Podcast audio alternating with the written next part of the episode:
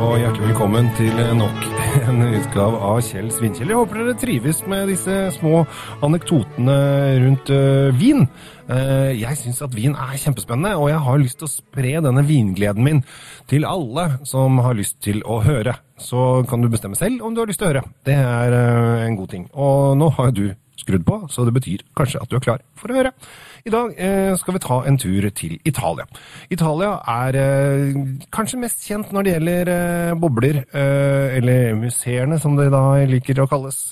Da snakker vi selvfølgelig om Prosecco.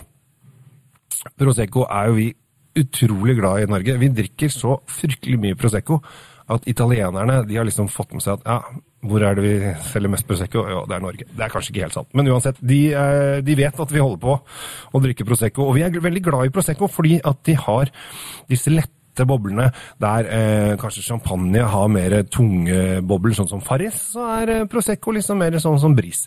Men jeg har ikke tenkt å prate om Prosecco i det hele tatt i dag. Vi skal over til den andre, eh, også begynner å bli godt kjente eh, måten å produsere bobler på Italia. Vi skal til Franciacorta. Franciacorta, ja. Vi er eh, i området mellom Gardasjøen og Milano. Eh, så vi er på nordsiden av Posletta, eh, og der lager de da disse fantastiske eh, Franciacorta-vinene. De er ofte litt dyrere enn det vi har Prosecco og sånn.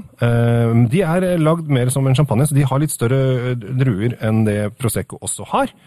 Uh, og du kan fort, så koster de en 300-400 kroner oppover. Det er på en måte et høyklasseprodukt. Men den jeg skal snakke om i dag, er av den rimeligere sorten. Fratelli Berlucci Casa della Colonne Franciacorta Brutti Reserva. Å, for et langt navn. 2011. Den koster 210 kroner. Jeg drakk den for, en, for, et halvt år siden første gang. Så tenkte jeg jøss, dette her er jo kjempebra. Det er kjempegodt. Hvorfor snakker jeg ikke mer om dette her? Og så har det bare tatt litt tid før jeg har fått ut fingeren til å snakke om dette her. For dette her er eh, en frisk eh, Litt sånn Jeg syns smaken er litt gul, kan jeg jo si det. Det er litt eple, kanskje litt sitron. Og så har den en litt sånn fyldig i munnen som gjør at den er ikke så syrlig som mange av de andre boblene kan være. Spesielt hvis du går til champagne, så kan de være veldig syrlige i munnen. Mens den her er litt sånn rundere i tonen, som gjør at du, du får en litt sånn mildere eh, Ikke søtlig, men rundere tone. Eh, litt friskere enn det kanskje eh, andre bobler fra annet land kan være. Så øh, jeg syns det er helt topp å drikke den her. Og når du får den til øh, litt over 200 kroner, øh, som regel så kan det koste det dobbelte, så er dette her et røverkjøp. Det er ikke så ofte jeg bruker røverkjøp. Kjente på det at røverkjøp, er det noe du sier, Kjell? Ja, det er visst det.